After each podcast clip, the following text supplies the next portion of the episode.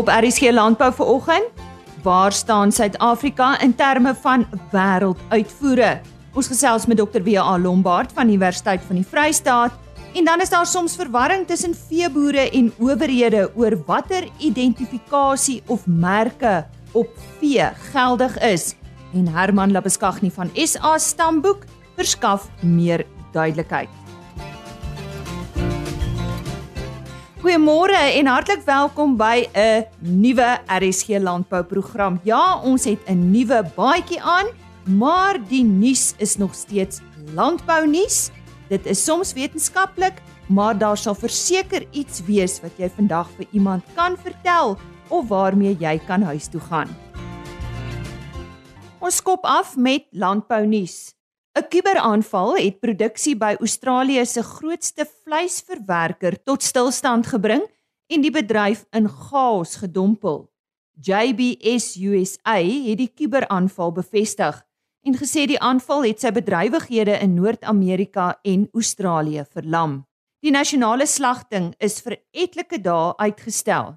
Talle veebesendings in Queensland is gekanselleer en derduisende werkers is huis toe gestuur.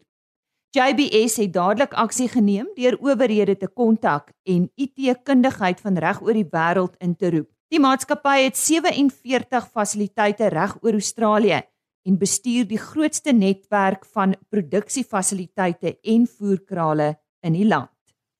En nou beweeg ons Nieu-Seeland toe. Logan Williams, 'n Nieu-Seelandse wetenskaplike, het 'n boot gebou wat hoofsaaklik uit wol bestaan. Hy het 'n plastiek vervanger wat hy Keravos noem, gemaak uit 'n kombinasie van suur afkomstig van mielieblom en grouwe wol. Logan wat die hoof van tegnologie en innovasie by die Nieu-Seelandse Merino Company is, het die boot gebou om die veelsidigheid van sy uitvinding te bewys. Hy sê wol bestaan uit keratienproteïen wat een van die sterkste natuurlike materiale op die planeet is.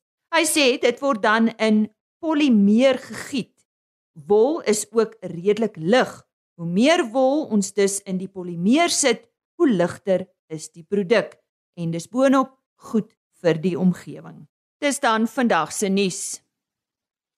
Die veeplaas tydskrif vir Julie maand is tans op winkelrakke beskikbaar. Om jou meer hieroor te vertel, die redakteur Dr. Frikkie Marie. Dankie Lize. Soos genoem is die Julie uitgawe van Veeplaas op die rakke en op die voorblad sal jy sien Pryke Brangus bil van Jimmy Roberts van Triangle Farms. En die rasfokus in die uitgawe is dan ook op die Brangus. Onder vee algemeen is daar gekyk na grootvee en kleinvee produksiestelsels in Suid-Afrika en watse produksiestelsels verskillende produsente volg en in hierdie maand se uitgawe gesels om skalkweer en dit handel oor die verskil tussen petrol en diesel engines as dit by bakkies kom. In die rooi vleisbedryf is daar 'n kykie na die groeiende boerbokmark en onder vesel is 'n artikel oor goeie skeerpraktyke en dan ook skeergeriewe. Wat die suiwelbedryf aanbetref, het 'n veearts perspektief gegee oor voer bymiddels wat gebruik word en in die wildbedryf interessante oor die artikel oor klein wild um, wat dalk groter wins kan beteken. Ons is gewoond daaraan altyd aan groot wild te dink, maar die klein bokkies is ook daar. Voer en veidings aanbetref is al dek en kalfseisoenbeplanning wat vir hierdie tyd van die jaar belangrik is en dan ook lamkruipvoeding die verskillende stelsels wat daar gebruik kan word. Genetika en veehantering, 'n artikel oor die ankolies wat nou redelik opslaan maak in Suid-Afrika en onder diere gesondheid 'n goeie artikel oor vuilbek en hoe om dit te bestuur. Onder die plaasbestuur afdeling is daar 'n artikel wat ook die artikel keuse van hierdie maand is oor die waarde van landbouopleiding en daar's bietjie gaan kers opsteek by landbounavorsers wat al diep spore in die bedryf getrap het oor die waarde wat hulle in hulle landbouopleiding gevind het.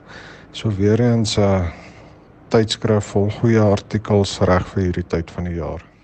En so sê die redakteur van die Veeplaas tydskrif Dr. Frikkie Marie. Met die fokus op die landbousektor se in- en uitvoere, praat ek nou met Dr. W.A. Lombard, hy is verbonde aan die Departement Landbou-ekonomie Universiteit van die Vrystaat. Oor die algemeen wat die landboubedryf in Suid-Afrika betref, hoe groot is ons bydrae tot die Suid-Afrikaanse ekonomie? Goeiemôre Lize. As mens kyk na die inligting wat die kort begrip van landboustatistiek van Suid-Afrika bevat, is die bydrae so rondom 2.4%. Dit dit wissel bietjie tussen jare afhangend natuurlik van die pryse en die produksie en so voort. Dit is dan nou eintlik aan die een kant 'n klein bydrae, weet mense kan so argumenteer.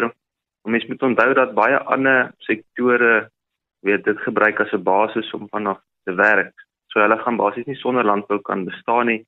Natuurlik gaan ons nie ehm um, genoeg kos hê vir die land as die landbousektor nie daar is nie of ons gaan dit moet invoer al ons kos teen baie hoër pryse. Hoe lyk die bydrae van die onderskeie bedrywe WA? As mens kyk na die die drie kategorieë waarop ons dit opgedeel word, is dit dan nou diereprodukte, akkerbou en tuinbou. Nou diereprodukte het dra net so oor die 50% by. Dit was in spesifiek vir 2018 was 50.6% as ek reg onthou.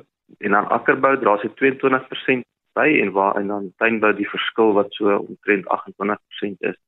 Nou as mens kyk binne in die onderskeie sektore wat die onderskeie um, bedrywe dan nou bydra, eerstens in terme van diereprodukte is ons grootste bedryf dan nou die hoendervleis eh, bedryf in terme van waarde, weet alles al hierdie goed is dan in terme van waarde wat dit gelys is um, wat so 33% bydra van die weet 50% soos voorgenoem beeste en kalvers is so 26% melk 13% en eiers 8%. So ons eintlik ons kleinveebedryf is baie belangrik. Jy weet in die groter prentjie, weet waar dit op sy eie argumente onthaalwe, weet net oor die 40% van alle diereprodukte bydra in terme van uh, waarde. Dan as ons kyk na tuinbou, daar sag sitrusvrugte dra so 25% by en dan sagte vrugte en ander vrugte 23% en groente 19%. In terme van akkerbou is mielies die grootste rolspeler wat uh, eh, 42% bydra en dan suikerriet 15% en sojaboonproduksie so 12%. Dit uh, wie maar is nou interessant dat suikerriet uh, meer is as sojas.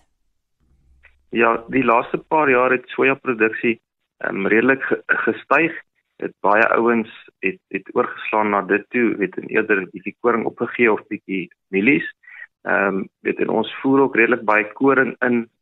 Ehm um, ek reg onthou dit tussen 40 50% van al ons koring met plaaslike verbruik wat ingevoer moet word.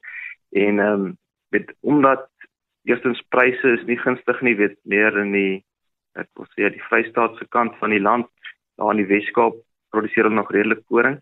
Jy weet so hierdie kant produseer hulle dan nou eerder ehm um, sojabone. Ehm um, weet weens weeromstandighede dan aan die prys en dan natuurlik die sojabone, daar's 'n groot vraag vir dit by die perse weet vir produksie van ehm um, sojaboonoliekoek.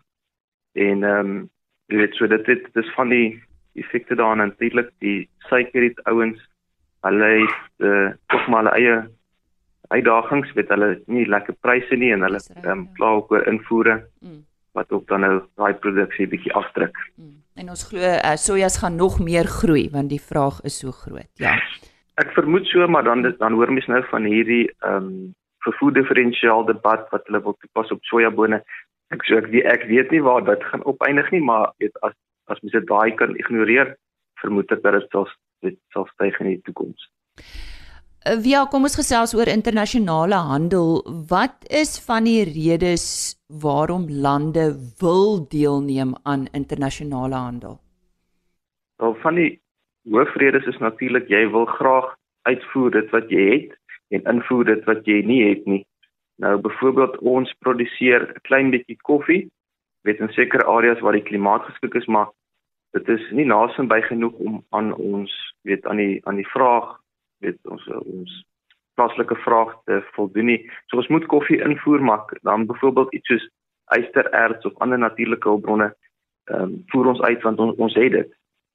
En dan die die die ander kant is dan natuurlik iets wat ons teen 'n hoër geleentheidskoste sou moet uh, produseer. Met, met ander woorde, dit sou ons meer tyd of geld of natuurlike hulpbronne gekos het om daai ding te produseer. So ons voer dit in en ons produseer dan natuurlik wat ons um, dit wat ons weer produseer teen 'n laer geleentheidskoste. En ehm um, met basies ons het 'n kompeterende voordeel vir daai produk. Ons produseer dit en ons koop voer in dit ehm um, wat ons meer sou kos. Nou Suid-Afrika is ook 'n deelnemer aan internasionale handel soos ons bewus is en jy het al ook so 'n bietjie daaroor gesels. Wat is van ons belangrikste landbou-uitvoerprodukte? So ek en Prof Jonas Bata het swaal vir ranglys opgestel hier in terme van wêreldhandel en ons spesifiek gekyk na die landbou ehm um, produksie met verskillende produkte in die landbou sektor. Nou van die produkte waar ons 'n groot bydrae basies hoë 'n eh, plek op die ranglys behaal het, byvoorbeeld sitrusvrugte waar ons die tweede grootste uitvoerder is, is in, in wêreldterme waar ons vir 9.8% van ehm um, wêrelduitvoere bygedra het. Onverwerkte wol was ons in die derde plek waar ons 8.7% dit gelewer het. Appels en pere, 6ste plek, druiwe, 'n 8ste plek en dan iets soos dit die kategorie ander neute wat ehm um, hoofsaaklik makadamia neute is, het ons 'n 13de plek behaal en daarvoor moet ons ook dan nou produksie gaan toeneem sodat hooplik gaan ons ons ehm um, posisie dan nou ook verbeter.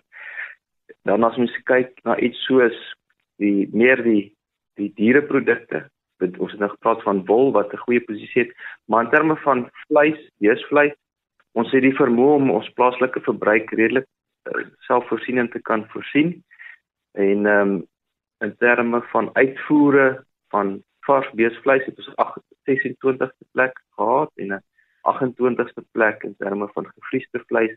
So ons is nie so groot nie, ons het maar 0.3 en 0.2% van die van van vars en gevriesde vleis onderskeidelik bygedra tot die dit uitvoer, dit die gedeelte tot uitvoer. So ons is nie 'n groot rolspeler daar nie. As ons kyk na hoendervleis, Nou daarso het ons 'n baie hoë plek in terme van invoere waar ons 13de is en ons aandele in invoere is so 1.6%. So dis redelik um, baie en ons gebruik dan nou so 2500 miljoen ton ehm um, jaarliks waarvan omtrent 20% ingevoer word. So dis dis dan natuurlik waar hierdie ehm um, syfer vandaan kom. Nou mens kan dan wonder weet is dit regverdig want ons het ons het die vermoë, ons het van die mees effektiewe uh hoenderprodusente in die wêreld, dit is al bevind. Maar maar hoekom voer ons dan nog steeds so baie hoendervleis in? En dan die groot rede daarvoor is natuurlik die die invoerprys van ehm um, op die prys eerder waarteen hierdie hoendervleis ingevoer word. En ek dink ons het al daaroor gepraat, ons het 'n lekker 'n groot klomp arme mense in die land en hulle gee nie om om die sogenaamde breinvleis te koop nie. Hulle is meer bekommerd oor prys. So ons is die ideale plek om hierdie produk dan nou eintlik te kom stort soos hulle sê. Nog iets in terme van sitrus, weet ons het nou reeds hierdie hoë plek op ons wêreldranglys in terme van uitvoere, maar so 60% van ons plaaslike geproduseerde lemoene en suurlemoene word uitgevoer. En dan hoor ons ook dat weet daar word uitgebrei weet in hierdie bedrywe en hulle ons het goeie produksieomstandighede die laaste paar seisoene. Dit so waarskynlik of dalk kan hierdie um, uitvoer persentasie verbeter dan moet ons ook 'n pleintjie gee byvoorbeeld vir ons wolprodusente wat vir hulle bydra. Dit is 'n boombaal ons sitrus ouens wat dit wêreldwyd op internasionale vlak kan kompeteer. In terme van ons plaaslik geproduseerde appels en pere word so wat 50% uitgevoer. Dr. W. Lombard van die Departement Landbou Ekonomie aan die Universiteit van die Vrystaat wat vandag met ons gesels het oor landbou uitvoere. Jy is ingeskakel by RSG Landbou. My naam is Lise Roberts en baie dankie dat jy vandag saam met ons kuier. Ons vind nou meer uit oor die produksieveiling van die Vrystaatse Genetiese Eelde Frans Groep en ek gesels met Henning van Tonder. Henning, die regte vraag seker nou is om te vra is gaan daar wel 'n veiling plaasvind? Goeiemôre. Môre. Ja, Lise, Ehm um, die veiling gaan verseker nog plaasvind. Ons veiling is die 10de Julie wat om die draai is. Uh die veiling gaan nog steeds verseker definitief plaasvind. Ehm um, dit gaan die veiling gaan nou net oor ons nou nie mense op die ehm um, op die veilingsperseel mag hê nie. Ehm um, gaan ons nog gaan ons nog steeds die veiling hou maar dit gaan digitaal wees. So ja, en kort die veiling gaan nog verseker aangaan. Vertel ons bietjie van die Ile de France groep. Hoeveel teelers is daar? Ons is uh, vir jaar 4 teelers wat hierdie veiling begin het. Ehm um, dis nou ek uh, wat of ons wat onder Henlin Ile France is en dan is dit uh, Roswell wat in Vryburg is. Roswell Ile France en dan is dit uh, DTC wat in die Kaap is. Bossie Clark en dan die vierde een is Gerrit Erasmus. Hy val hy's GE vir wat die ding begin het of begin. So ja, ons klim nou die boot uit. En wat bied julle aan op die 10de Henning? Dis uh, op die stadium wat ons aanbied, ek sien nou maar ronde getalle. Daar's om by 40 uh ramme, stoete en kudde ramme en dan is daar 50 stoete en kudde oeye en dan is daar gaan daar 100 kommersiële oeye wees. Kommersiële oeye gaan ook dragtig wees. Uh, maar die dragtigheid en vir al die ander diere gaan ook dragtig wees, wees of met lammers wees. Uh die dag met die veiling sal die dragtigheid staat, dit sal deurgegee word op die dag van die veiling. Net so 'n bietjie meer oor die Ile France. Ek dink vir die algemene luisteraar wat dalk nie hierdie ras ken nie, wat is uh, so een of twee van sy eienskappe? Jong, Lise. Ja, die Ile France, sy grootste eienskappe is sy moedereienskappe. Hy hy's hy's ek sien 'n moedereienskappe, hy's baie lief vir sy lammers. Ehm um, dis 'n dis 'n makdier om mee te werk veral as hulle gelam het. Ehm um, jy tel die lammetjie op en is 'n gespook om half op jou voete te bly. As jy die lammetjie in die hand het, die oë die oë is verskriklik erg oor hulle lammers. So moeder hulle moedereienskappe is baie goed.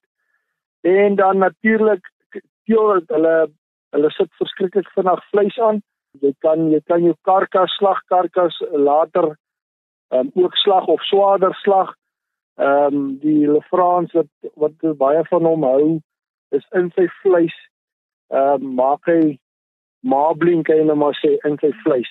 So dis sy grootste eienskap en hy word nie oorvet nie. Hy dit is nie 'n skaap wat ras hy choppie groter. Dis nie 'n uh, ras wat uh, te veel vet vinnig aansit nie. Ehm um, so dis sy tweede eienskap en ja, dis maar dis maar wat ons maar van hulle dis maar hoekom ons van hulle hou. Hmm. Nou kom ons gaan terug na daai produksieveiling toe. Ehm um, nou omdat dit aanlyn uh, is of digitaal is, uh die 10de Julie. Hoe werk dit nou? Is daar vooraf besigtiging en uh, en so aanhenning? Vertel verduidelik vir ja, ons. Ja, Lise man, dis nou al hierdie goede is nou kort kennisgewing besluite want die goed dis mos nou dit mos nou sommer onlangs het hulle mos nou besluit ons kan nie veiling hou nie. Dis reg. So wat ons besluit het besluit het as die groep is as volg. Kyk, die studiere gaan al van die donderdag af gaan hulle al daar wees. Die studiere word Vrydag geskreen twee keerders en dan so enigiets van 12 uur af Vrydag die 9de kan die diere besigtig word en gekyk word na tot en met uh, Saterdag die 10de tot sen tot en met 10 uur. So ehm um, almal kan kom kyk of per afspraak, ek dink mense moet maar bel oor ons nie almal gelyktydig daar kan wees by die krale en by die hokke en by die diere nie. Mm. Moet ons maar 2 of 3 inlaat en dan as hulle uitgaan met die volgendes weer aangaan. Mm. Maar ons het tyd van die Vrydag af die 9 die Vrydag die 9de het ons tyd van 12 uur af tot die volgende dag die 10de tot 10 uur by 10 uur. En net weer um, waar is dit presies? Dis by Kroonbouma by Kroonstad. Dis so 10 km op die N1. Dis teen aan die N1 is die, is die veilingskompleks. En wie hanteer julle veiling? Ons veiling word hanteer um, deur Noord-Kaap Lewende Hawe. Hulle is die agentskap hmm. en dan die, ons aanlyn deel word deur Sofie vee behartig. Goed en waar kan ons meer inligting kry oor die produksieveiling van die Vrystaatse Genetiese Ile de France groep Henning? Dis maar hulle daar word SMS'e deurgestuur ons, ons probeer nou maar ons beste uh, uh, oor dit die eerste is probeer ons maar ons beste om die, om die, om die woord op die op die grond te kry. So uh, daar word SMS'e deurgestuur en op Facebook uh, ons vier as teelers ehm um, het op Facebook en ek sien die genootskap, die Hele Frans genootskap het ook op hulle Facebook bladsy sê hulle die volgende event is dan. So mense kan uh, op by hulle ook gaan kyk en gaan hoor en praat met hulle. Ja. So sê Henning van Tonder, hy het ons meer vertel van die Produksieveiling van die Vrystaatse Genetiese Eelde-Frans groep en onthou dit is nou op 10 Julie by die Kroon Bouma, maar soos hy gesê het, daar's reeds besigtiging van so 12 uur af op die 9de en dis natuurlik die einde van hierdie week. Die beheermaatreëls wat na die onlangse back and closure krisis ingestel is, het almal meer bewus gemaak van die belangrikheid van brandmerke op vee. En dit het ook tot verwarring tussen veeboere en owerhede gelei oor watter identifikasie of merke geldig is. En dis waaroor ons vandag gesels met uh, Herman Labeskagni. Hy's aantekening en datadienste bestuurder by SA Stamboek. Herman, hoekom is brandmerke nodig? Baie dankie. In eerste instansie is dit brandmerke belangrik vir vir vee diefstal sake sodat diere se herkoms uh al kan word sodat jy weet waar kom 'n dier vandaan en van watter plaas af sodat jy vee diefstal uh, sake makliker kan oplos en ek dink dis hoekom die wetgewing ook daar gestel is. Tweedens is dit uh, om diere te identifiseer wat uh, stoediere is wat dan ook van 'n sekere plaas afkom. So die kudde kenmerk is eintlik uh gekoppel aan 'n plaas of 'n plek. Nou van waar hierdie verwarring Herman? Daar ons nou met die uh uitbreek van die back and closure uh het daar be beter beheermaatreëls in in plek gekom. Veral by veilinge uh word die brandmerke gekontroleer uh teenoor die eienaar en die diere wat die persoon aanbring by die veiling en dit skep dan nou probleme want daar's twee uh merkstelsels dit is die uh diere identifikasiewet se of die brandmerke en dan is daar die stoet uh gedeelte se se merke ook en uh hulle weet baie keer nie van mekaar nie en dit is waar die verwarring inkom wat hulle nie weet dat uh, daar 4 tot en met 4 karakters by die stoetkant gebruik kan word nie hulle weet van die 3 karakters by die by die brandmerkkant. So dit dit lei tot verwarring daar. So hoe moet diere gemerk word? Goed, die die uh die identifikasiewet uh bepaal in die eerste plek dat uh 'n dier 'n permanente merk moet dra. Met ander woorde, dit is iets soos tatoeëermerke vir skape en dan brandmerke vir vir beeste. So daar moet 'n permanente merk op wees, iets wat nie uh uitgehaal kan word, 'n oorplakkie kan uitgehaal word of uh ons weet hulle brand boor ander brande, maar dit het, jy kan dit daarom nog steeds naspeur. So brand en tatoeëer is permanente merke. Uh, ons weet ook dat die staalplaatjies wat wat hulle in die ore sit is is is uh, word ook baie gebruik, maar dis nie so permanent nie, want dit kan uitgesny uh, word op op die dier. So brand en tatoeëer en selfs vliesbrand is is ook 'n manier van van merk. Gepraat van wetgewing Herman, is daar toepaslike wetgewing? Uh goed, dis dis ons nou twee twee merkstelsels. Die een val onder die diere identifikasiewet van 2002 en die ander stelsel is onder die diere uh verbeteringswet uh wat die kudde kenmerke dan nou van stoediere uh uh toegeken word en die daar so daar's twee wette wat dan nou uh, die merk van diere beheer en uh die diereverbeteringswet is in 1998 afgekondig uh voor 2002 se die identifikasiewet. So die kuddekenmerke staan nog steeds as 'n wettige uh merkmetode uh en dit word ook in die diereverbeet uh, diere identifikasiewet uh, duidelik gestel dat die merke wat in die diereverbeteringswet uh, uh toegeken is uitgesluit word by die diere identifikasiewet. So al twee daai merkstelsels is geldig en is uh wetlik korrek. Is daar 'n sentrale basis van merke? Uh dit word al af wat as al baie lank uh, pogings om dit te doen en uh ons ons hoop dat die uh lids die nasionale naspeurbaarheidstelsel gaan gaan dit uh, regkry sodat al die merke op een sentrale database is, maar daar is nie een nou nie, so ons hoop hulle kry dit reg. Die polisie het toegang tot die uh, departement se of die diere identifikasiewet se se merke en hulle kan dan vir hierdie sake maklik so oplos so hulle toegang daartoe en dan uh help ons uh, ook die polisie met vir hierdie sake van van Stamboek se kant af om die ehm um, uh, kenmerke vir vir vir hulle dan nou ehm um, te identifiseer en die persone te identifiseer wie se diere daai is. En ons hou ook rekord van van die diere se se uh, verandering van eienaarskap hou ons rekord van en dan kan ons die polisie makliker help om uh, vir die sake op te los. Herman, hoe word brandmerke toegeken? Goed, uh, die uh, die brandmerke word toegeken deur die uh uh die registrateur van uh die identifikasie. So jy doen aansoek by uh by hulle vir om jou brandmerk of jou kommersiële brandmerk of tatoeëermerk op jou diere te sit op jou plaas en jy jy kry dan nou ehm um, jy doen aansoek by hulle betaal jou voetjie en jy kry terugvoer jy kry so kaartjie ook met jou brandmerk en alles daarop en dan die uh, aan die die uh, stoetkant aan die kudde kenmerke elke genootskap uh ken kudde kenmerke toe binne in sy ras met ander woorde dis uniek binne in 'n ras en dit lei daartoe dat die, jy duplikate kry tussen of oor rasse kry jy dan nou duplikate. So daar kan 'n AA wees by een ras en dan kan 'n AA wees by 'n ander ras wat ook bydra tot die verwarring uh, want dit is nie uniek nie. So die uh, genootskap van elke teelers genootskap van elke ras ken daai kudde kenmerke toe. En wat van kudde kenmerke? Kudde kenmerke word dan deur die teelersgenootskappe toegeken en dit moet ook permanent aangebring word. Binne in die grondwette van hierdie uh, genootskappe word daar duidelik gesê watter tipe merk is hulle primêre en sekondêre uh, merkmetodes. Gewoonlik is die uh, primêre ene 'n brand of tatoeëer wat permanent is en dan 'n sekondêre is dan 'n oorplaatjie of so iets wat meer sigbaar is. In, in sekere gevalle as jy nou tatoeëer gebruik, kan jy oorplaatjie so daai kudde kenmerke word deur die genootskap en die genootskap se teelersgenootskap se uh, grondwet uh, beheer.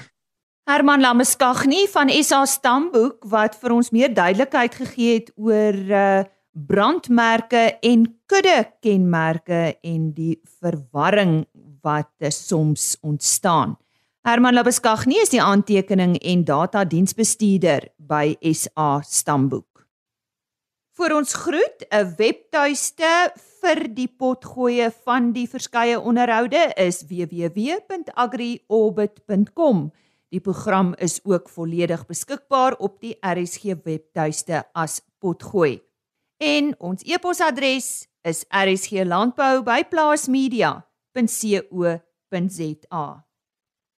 Op môreoggend se program ons gesels met Dr Karel Miller van Universiteit van Stellenbosch oor belangrike faktore by die grootmaak van verse. En ons gesels met Marina Fourie, sy is van Skaapvleis SA en sy vertel ons onder andere hoe hulle tans die populêre beweging na 'n plantgebaseerde leefstyl hanteer. Ons sien uit om weer saam met jou te kuier môreoggend vir nog 'n aflewering van RSG Landbou. Totsiens. RSG Landbou is 'n plaas media produksie met regisseur en aanbieder Lize Roberts en tegniese ondersteuning deur Jolande Rooi.